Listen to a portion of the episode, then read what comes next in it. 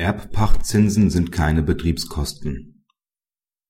Erbpachtzinsen stellen zwar regelmäßig wiederkehrende Belastungen des Vermieters dar, da sie aber nicht dem Mieter für die Nutzung der Wohnung dienen, sind sie keine Betriebskosten.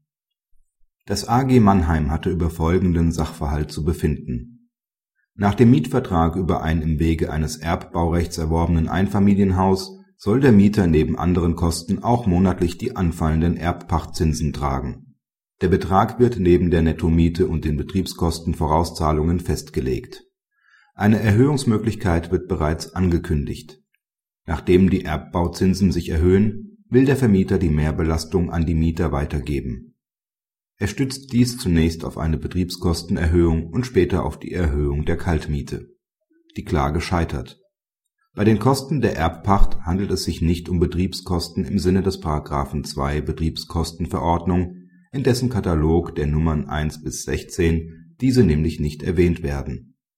Sie können daher nicht als Betriebskosten nach § 556 Absatz 1 Satz 3 BGB vereinbart werden, was schon mit Blick auf § 556 Absatz 4 BGB nicht möglich ist. Die Überbürdung des erhöhten Betrags kann weiterhin nicht als veränderbarer Bestandteil der Kaltmiete vorgenommen werden. Zwar können die Parteien vereinbaren dass sich diese aus verschiedenen kalkulatorischen Positionen zusammensetzt, insoweit kommt die Erbbaupacht grundsätzlich in Betracht. Eine Erhöhung ist dann jedoch nur in den Grenzen der § 557 fortfolgende BGB möglich. Sie kann daher nicht für isolierte Bestandteile der Nettomiete, sondern im Rahmen des gesetzlich Möglichen nur insgesamt erfolgen anderweitige Vereinbarungen verstoßen mit Unwirksamkeitsfolge gegen § 557 Absatz 4 BGB. Praxishinweis Der Entscheidung ist zu folgen: Betriebskosten liegen bereits deshalb nicht vor, weil es sich bei den Erbbauzinsen um Kosten handelt, die nicht dem Mieter eine ordnungsgemäße Nutzung der Immobilie ermöglichen. Darauf, dass es sich um wiederkehrende Leistungen handelt kommt es nach herrschender Meinung ebenso wie bei den Finanzierungs und Investitionskosten nicht an.